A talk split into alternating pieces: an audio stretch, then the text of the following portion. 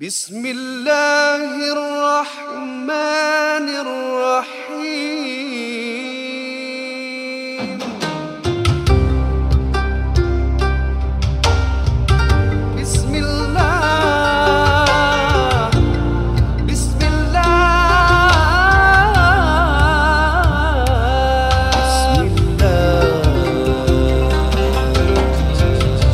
Assalamualaikum warahmatullahi wabarakatuh. Salam. Assalamualaikum. Podcast ini dibawakan khas anda oleh NJU Nazif. Mhm. Sabun bidara dengan uh, eh sabun harian dengan kuasa daun bidara. Ya. Uh, sebotol $12.50 sen aja.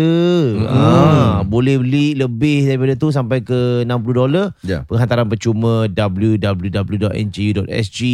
garis miring shop. Kirakan uh, sabun ni ada two in one lah. Satu Ya. secara untuk kebersihan secara zahir, satu lagi untuk kebaikan secara Batin. Uh, batin lah. Ya, Ya, two in one lah lebih kurang insyaAllah. Dan rekomendasi daripada uh, daun bidara ni pun pernah disebut dalam hadis. Khasiat dia lah, Saya- Khasiat dia dan sebagainya. Uh, dapatkan segera belikanlah untuk mak ayah ke belikan untuk saudara mara. Ini adalah satu uh, benda yang baik, barang baik.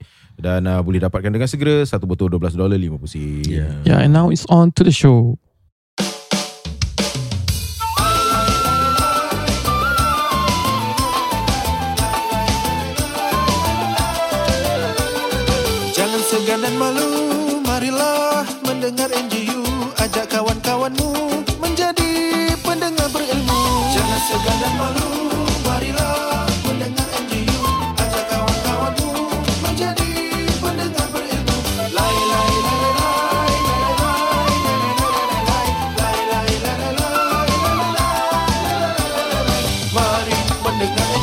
Selamat kembali dalam podcast uh, NJU. Kita patut buat live satu eh. Satu live show. Yeah. Uh, bila Maulid lah Ustaz? I think Maulid Maulid, lah. sekarang ni dah bulan Zul dah akhir Zulhijjah. Lepas ni kita menyambut awal Muharram, Mhm. ada hari Ashura yang kita digalakkan puasa, Safar, Rabiul Awal dalam masa 3 bulan Hmm. ataupun 2 bulan lebih lah. O- uh, I think Oktober. Uh, early first week of October Chi- Children's Day is Maulid. Hmm. I think mungkin kita boleh sama-sama meraihkan uh, Yeah. apa Maulid Nabi sallallahu alaihi wasallam menyemarakkan dalam jiwa kita cinta Yeah. kepada Rasul uh, melalui mendengar kisah-kisah dan juga pengorbanan baginda Rasul SAW. Maybe bagus. Nasyid boleh InsyaAllah. nasyid. Ya. Nasyid-nasyid yang Nasyid eh. yang baik Nasyid. dan terutama kalau nasyid-nasyid yang mengisahkan tentang baginda Rasul sallallahu alaihi wasallam akhlak-akhlaknya, Example? perjuangannya. Ada ada example nyanyi sikit. Amin ya Allah. Bukanlah. Oh, tu kahwin. Itu lain tu kahwin. Ya Rasulullah, salam buatmu duhai kekasih Allah. Kami sentiasa mengingatimu Wahai penghulu Ambia uh, Reverb sikit eh Kita ada Tak ada lah tak ada. Ah, tu, tu satu lagu Hijaz lah Contoh lah Ah, contoh. Oh. Tapi kadang-kadang tak mesti Lagu direct macam tu Lagu doa boleh Rahim Ah. Rahim Rahim Rahim. Ah, Boleh juga Yang apa apa lagu dah? Doa macam dah. Sepanjang Bukan. Bukan. Bukan. Bukan tu. Itu tu satu sambil on Ya. Apa? Allah yang agung. Oh Yang, Yang pengasih. Yang pengampun. bersamamu ku Sekejap eh. berlindung. Ya, sorry. Selawat serta salam buat Nabi junjungan kepada muslimin dan juga muslimat. Ya Allah, ya Tuhanku, aku mendengar seruan dan hanya kepadamu ku beriman. Kerana aku di Ya, boleh Ustaz eh? Ah. Boleh Hmm. Kerana apa pun yang kita nyanyikan Hmm. uh, Dia bukan hanya sebagai satu hiburan Halawat telinga Tapi dia memberi kesan kepada roh kita Untuk kita menghayati seni kata-seni katanya Dan dalam rangka Maulidur Rasul SAW Perkara-perkara kebaikan seperti doa ini Yang diajarkan adalah melalui Rasulullah SAW juga. So- Jadi segala benda eh, dalam dirimu semua terlibat. Itu yang selalu saya sebutkan rahmatan lil alamin. Dalam diri Nabi SAW ni semua perkara terlibat. Uh, perkara kebaikan, perkara menghormati, perkara kemajuan, Hmm. uh, ibadah. Jadi segala-galanya ni uh, Nabi memang rahmat lil alamin. Para malaikat mendapat rahmat daripada Rasul sallallahu alaihi wasallam. Uh, apa haiwan-haiwan pun Nabi sebut ada orang yang masuk syurga kerana menjaga haiwan Hmm. ataupun memberi minuman kepada haiwan, ada orang yang masuk neraka kerana tak menjaga haiwan. Ini rahmat daripada Rasul sallallahu alaihi wasallam sebagai satu orang kata animals rights 1400 tahun yang lalu. Hmm. Uh, kan semua perkara eh, Nabi SAW terlibat jadi boleh je kalau kita nak dendangkan uh, beberapa lagu walaupun bukan tajuk yang berkaitan direct uh, dia ter, sangat terkait kepada baginda Rasul Tentang, sallallahu uh, alaihi wasallam. Tentang kematian pun boleh Ustaz eh. Kalau kita Ya, kematian eh. silakan. Betul. Berbaring sempit Seluas pusara Saat bicara terus bermula Cabul bermula Kekal dan insaf tak berguna lagi Hancurlah jasad di mamah bumi Oh. Ni, ni baju tak ada sponsor eh kali ni eh. Apa ni? Oh tak ada, tak ada Ustaz. Eh, Baju kena simple. Baik, baik. Kita Ya. akan um, ber, uh, teruslah Okey. dengan Okey. soalan-soalan yang ditanya. Iya, iya, iya. Baik, uh, soalan Silakan. untuk yang berbahagia Ustaz. Assalamualaikum. The. Five bila saya ingin bertanya. Waalaikumsalam. Saya ingin bertanya dan minta penjelasan mengenai angka 7, 8 dan 6. 7, 8, 6 lah. Uh, sering kelihatan angka ini di gerai uh, menjual mi goreng, prata, ada juga diselit dalam bed sebuah lagu popular. Uh, saya selalu terima ungkapan 786 dalam sebarang message di WhatsApp. Apa pendapat Ustaz tentang penggunaan angka 786 untuk mengganti Bismillah dalam tulisan? Sedangkan Bismillahirrahmanirrahim ada terdapatnya nama Tuhan. Mm-mm. Jadi sudah, saya sudah pun mencari jawapan di laman web dan rasanya perlu mendengar sendirilah dari penjelasan uh, Ustaz ni. Silakan Ustaz. Okey. Hmm. 786 ni sebelum saya nak tanya ni. Hmm. Dia ini apa singkatan untuk bismillah? Hmm. Hmm. Saya tak pernah dengar. Bismillahirrahmanirrahim. Saya tak pernah dengar 786 Hmm. tu. Hmm. Macam mana dia jadi angka tu Ustaz? Ya. Hmm. 786. Uh, pada zaman tabi'in eh ataupun zaman selepas sahabat Nabi eh, Hmm. khususnya pada zaman Abbasiyah punya pemerintahan Hmm. bila mana mereka nak tulis-tulis surat Hmm. eh, menulis surat antara mereka Hmm. uh, perkara yang kita tulis dalam surat ni antaranya seperti kita mengambil kisah Nabi Sulaiman Yeah. Nabi Sulaiman apabila mengutus sepucuk surat Nabi Sulaiman sebutkan Bismillahirrahmanirrahim Allah ta'alu alayya wa'tuni muslimin contohnya Hmm. Begitu Rasul sallallahu alaihi wasallam bila mengirim surat kepada para pembesar pembesar dunia pada ketika itu Hmm. Kaisar Rom kepada Najash uh, dari di, di Habsyah Nabi juga sebut uh, Bismillahirrahmanirrahim eh. Jadi pada zaman Abbasiyah ni mereka apa ini yang saya fahamkan dari kitab sejarah eh? Hmm. mereka gantikan dengan angka. Yang mana mereka ada legend dia dulu tau. Oh, Dia tahu legend. cerita. Macam ke? abjad dia dia dia ada abjad. Code word eh, Ah, dia ada code word. Alif ba jim dal. Alif nombor dia 9 ba nombor dia berapa lah? Berapa berapa berapa. Oh. lepas tu Legend sin, eh. ada legend dia. Hmm. ada legend dia. Sin mim apa apa code. So macam apa tu yang kita panggil kalau tele, telegraph eh Morse code. ha Morse code is it Morse code Papa, papa, correct papa, correct papa, correct ya Morse code Morse code Telegram kan? telegram telegram Telegram eh? Telegram. Telegram. Yalah kira Morse code Eh, jugalah no, Morse code. Telegram bukan Morse code. telegram yang tet Telegram. zaman perang dulu Telegram kan Short one lah. Telegram. so so Morse code kira dah advance bro. ya perkara-perkara macam tu lah No, Morse code yang tu tu tu Morse code. tak telegram dia berapa kali kan Hmm, Telegram Bukan memang short one ya lah. tu tu benda yang nak belajar Itu yang tek tek tek tek tek tek tek tek tek tek tek tek tek tek tek tek tek itu tu Ah. Morse code.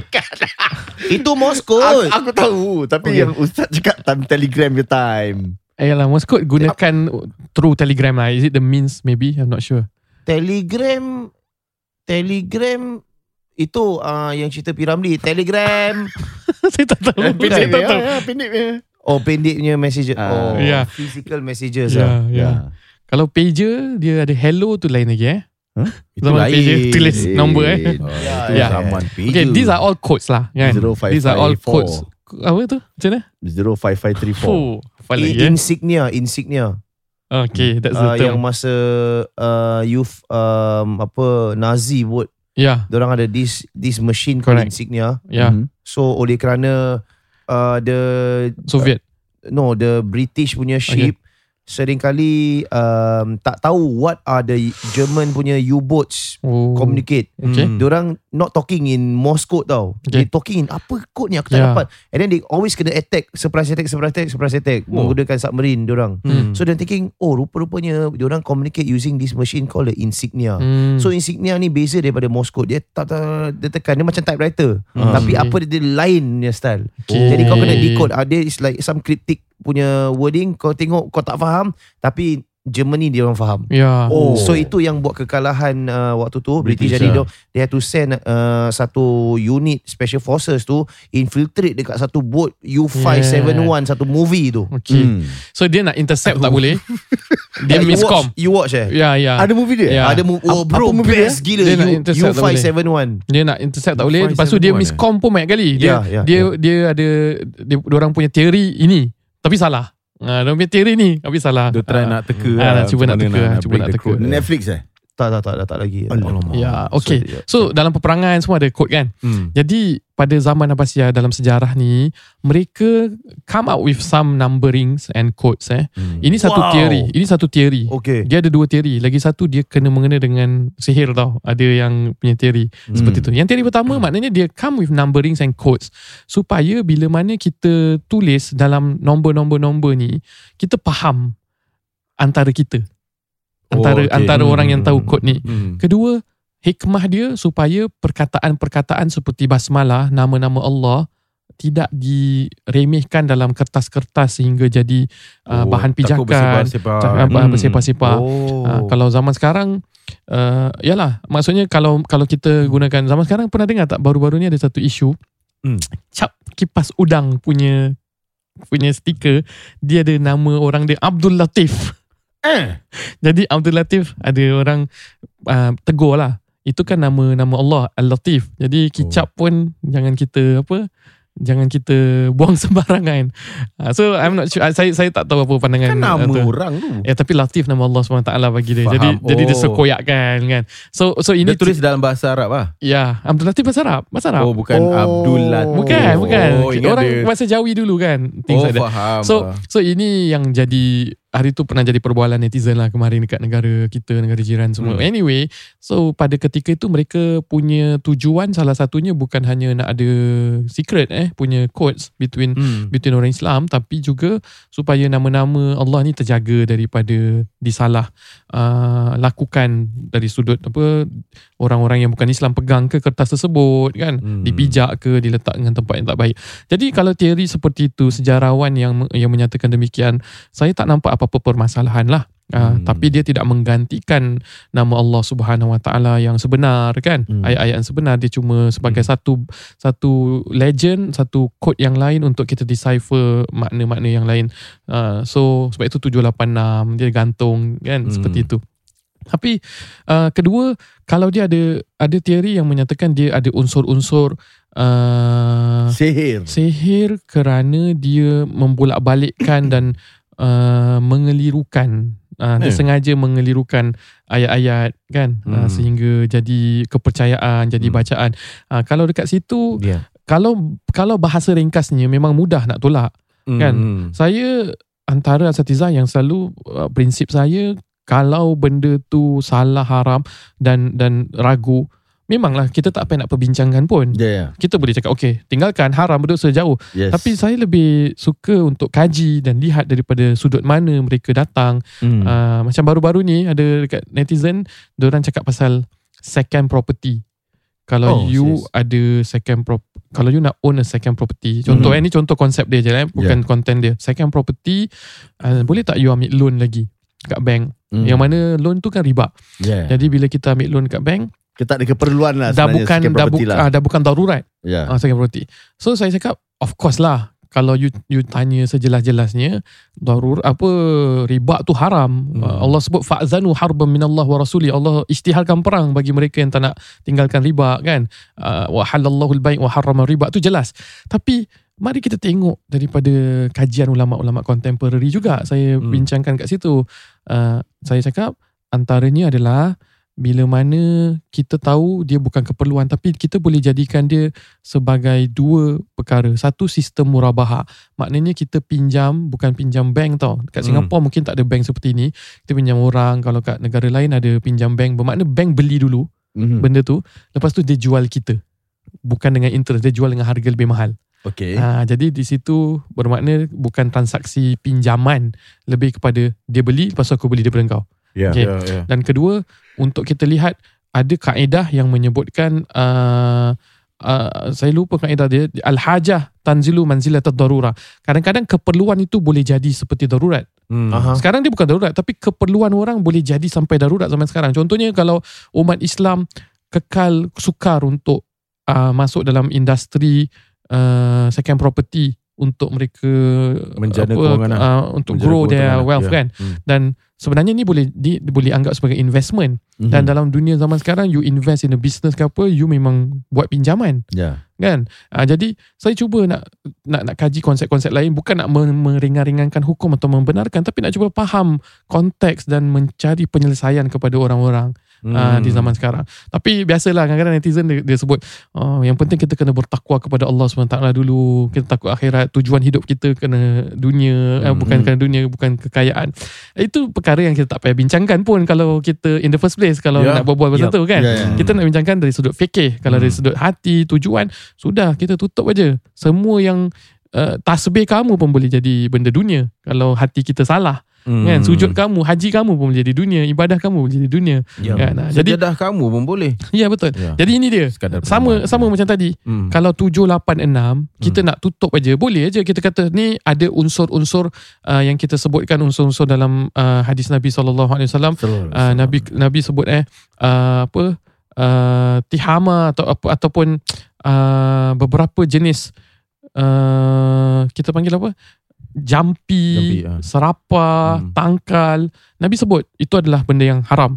Boleh je kita cakap 786 ni semua oh tak boleh tak boleh tak boleh. Jangan Hmm. jadikan tangkal. Tapi saya suka tengok uh, hadis-hadis secara menyeluruh dan pandangan-pandangan ulama yang lain. Contohnya uh, hadis Jabir di mana uh, seorang sahabat bernama Amr bin Hazam ni um, mereka ni daripada dulu memang biasa ruqyah, biasa jampi-jampi. Hmm. Daripada zaman Okey. jahiliah tau. Hmm. Jampi-jampi bermakna belum lagi ada apa syariat Nabi Muhammad SAW. Ya. Belum ada pontianak. Sekarang dulu hantu macam mana agaknya dulu eh? Ya. Seram eh Pontianak dulu. Ya. Ya. Jadi dia berjampi, kemudian jampi tersebut dilihatkan kepada Rasul sallallahu alaihi wasallam, kemudian Nabi sebut ma ara ba'san min man istata'a minkum an yanfa'a akhahu falyanfa'u. Aku tak nampak apa-apa masalah. Silakan teruskan jampi-jampi ni. Jadi Hmm. jadi ada sebenarnya ruang di mana Rasul sallallahu alaihi wasallam membenarkan uh, tradisi pengobatan alternatif uh, bukan Oh. daripada apa yang kita selalu baca. Hmm. Dan dalam hadis yang lain Nabi pernah sebut dengan Sayyidatina Aisyah uh, maaf Hmm. Sayyidatina Aisyah pernah uh, di apa sakit demam Hmm. Sayyidina Abu Bakar benarkan seorang yang bukan daripada Islam ahlu kitab untuk merawat Hmm. dan dan membaca-bacakan Hmm. tapi ulama faham hadis tersebut mereka walaupun ahlu kitab tapi mereka membacakan daripada kitab-kitab yang asal terdahulu faham. Ha, jadi banyak perkara-perkara seperti ni eh uh, daripada hadis Malik Al-Asja'i Hmm. pun sama. Ini semua nama-nama yang saya sebutkan yang diriwayatkan oleh Imam Muslim untuk kita jadikan kajian supaya kita melihat nombor-nombor angka 786 dan perkara-perkara seperti ini sebenarnya ada keluasan dalam agama Mhm. dan tetapi dia adalah satu benda yang wajar untuk kita elakkan kalau dia menjadi tangkal dan kepercayaan. Imam Syafi'i rahimahullah dalam mazhab Syafi'i ringkas secara ringkasnya benda-benda seperti ini dihujahkan kepada kepercayaan kepada siapa kita. Hmm. Buat benda yang baik dan kepercayaan dia baik pada Allah SWT. Sama juga macam obat. Hmm. Ya. Ubat ada khasiat. Kan? Hmm. Semua benda ada khasiat dia masing-masing. Obat, Sabun. paracetamol Ha. semua. Tapi kalau kita yakin itu yang Kita nak talk sikit masuk ah kena. itu yang itu yang merawat. kalau kita yakin itu yang merawat, bermakna Ha. akidah kita pun salah. Hmm. Ah, Maksudnya jadi- yang membaiki ni semua Allah Subhanahu Wa Taala. Allah, Allah SWT. Jadi bukan saya nak membenarkan Hmm. uh, nombor-nombor ni ataupun kita panggil wafak-wafak ataupun uh, apa garisan-garisan untuk dijadikan amalan. Ada perkara yang bukan daripada ayat Quran dan menyelewengkan dan menyesatkan, ada memang berlaku ada unsur-unsur sihir dan dan sengaja nak memutarbelikkan dan mengedirukan Mhm. uh, dan tetapi ada yang memang legit daripada uh, mujarabat dan amalan-amalan para sahabat Hmm. hmm. eh, para ulama dan tabi'in pada ketika itu yang masih dibenarkan oleh sebahagian ulama juga. Ya. Okey. Itu saya punya respon terhadap 786. Alright, uh, saya rasa ni nak tambah lagi satu soalan. Hmm. Uh, selain daripada 786 Alhamdulillah syukur uh, Kita tukar satu lagi soalan yang lain Ya. Alamak tadi saya ada terbaca sikit uh, Terhilang sikit uh, Ni mengenai uh, Loh Mahfuz Wish, itu Quran di sana. Asal ah, yalah. Lauhil Mahfuz. Bal huwa Quranun Majid fi Lauhil Mahfuz. Kan? Betul, betul. Ah, Betul, lah. betul, betul. Jadi soalan ni daripada pendengar kita juga Jika semua sudah ditulis dalam buku Loh Mahfuz Bolehkah seseorang itu ubah nasibnya? Contoh, seorang dah tertulis akan menjadi susah bila dia dewasa. Boleh ke dia berdoa supaya nasib dia akan berubah menjadi lebih baik? Ha, Macam itu Ustaz. Jadi Hmm. Macam mana uh, pandangan, opinion uh, Ustaz terhadap, terhadap soalan seperti ini? Boleh tak seseorang itu merubah nasibnya? Okay. I see. Uh, mengubah nasib. Okay, ada dua benda tau saya nak sebut tentang apa Lauhil Mahfuz dan mengubah nasib ni eh. Hmm. Uh, pertama saya pernah bertemu ataupun pernah membacakan hadis yang sahih mengenai bahawa nasib seseorang itu boleh Allah ubah. Itu Ya, nombor ya. satu. Hmm. Uh, nombor dua, kita nak cakap tentang qadar, qadar dan takdir. Sebenarnya apa yang tertulis di Lauhil Mahfuz memang sudah tertulis dan tercatat. Mhm. Tarikh kita, rezeki kan, jodoh, kematian kan, semua Ya. dah tertulis. Memang betul. Ketetapan yang telah Allah tetapkan. Tapi ketetapan yang ditetapkan itu tidak dalam pengetahuan kita. Memang. Itu dalam pengetahuan Allah. Ya. Jadi bermakna kita perlu juga terus berusaha dengan merub dengan sebaik tadbir untuk merubah takdir sama ada usaha, doa, tak putus asa dengan keyakinan bahawa walaupun ia sudah tertulis tapi kita tak tahu apa yang dah tertulis. Yang dah tertulis tu mungkin adalah usaha kita untuk merubah takdir. Faham? Contohnya Hmm. kita contohnya gini. Contohnya kita meninggal pada usia 65. Hmm. Contoh. Hmm. Lepas tu kita usaha jaga kesihatan kita, kita buat apa-apa semua doa kan. Hmm. Lepas tu kita meninggal tu umur 70. Jadi sebenarnya dah tertulis dalam Lauhil Mahfuz asalnya 65 kemudian dia usaha menjadi 70. Benda tu pun dah Oh, tertulis. itu cerita dia. Cerita dia dah Ah. tertulis. Kamu tak tahu. Yalah, yalah, yalah. Oh. Faham tak? Kamu tak tahu benda tu dah tertulis yang Hmm. yang sebenarnya asal takdir begini tapi kalau kerana kamu usaha, kamu doa Allah merubahkan takdir kamu. Yalah, yalah. Itu pun sebenarnya dah tertulis. Tapi kamu tak tahu bukan dalam pengetahuan kamu.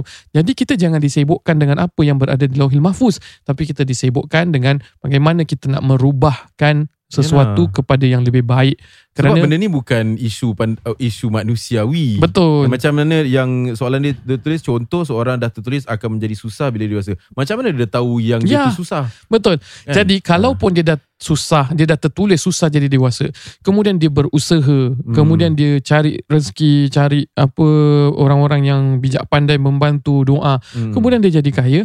Tertulisnya dia miskin, kemudian tertulisnya juga dia jadi kaya kerana dia berusaha dan dia merubah takdir dia. Ah. Ah. Jadi itu yang saya dapat respon. Fokuskan kepada pengetahuan kehendak kita untuk kita buat sebaiknya dan akhirnya kita serahkan sebaik takbir kepada Allah. Urus sebaik tadbir Hmm. untuk mendapat sebaik takdir. Oh yang saya fikir pula macam mana Ni saya fikir logik saya lah Ustaz Hmm. eh. Pandangan saja Ya. Kalau macam let's say Memang semua dah tertulis Hmm. Tapi kalau let's say Contoh saya pilih jalan kiri Hmm. Saya akan Nasib saya akan menjadi begini Hmm. Kalau saya, fikir, eh, saya pilih jalan kanan Nasib saya akan jadi macam ini ha, Jadi You pilih lah Nak jalan yang mana satu Betul. Kita tajuk af'al ibad ikhtiariyah. Dalam ahli sunnah wal jamaah akidah kita uh, pilihan kita eh walaupun ketetapan daripada Allah tapi hamba mempunyai pilihan hmm. untuk uh, memilih daripada bagaimana dia nak menjalani kehidupan dia. Jadi bila you cakap seorang hamba tu boleh memilih jalan hidup mana dia nak pilih kan. Mm-mm. Adakah ini juga bermaksud Tuhan tak tahu apa kita nak buat? Okey. Jadi ilmu Allah meliputi segala sesuatu dan tidak terkait dengan masa. Bermakna bila ilmu Allah tidak terkait dengan masa, Allah tidak di dalam sistem masa. Bermakna Allah mengetahui Hmm. segala-galanya walaupun benda tu dah berlaku pun. Jadi Allah dah tahu.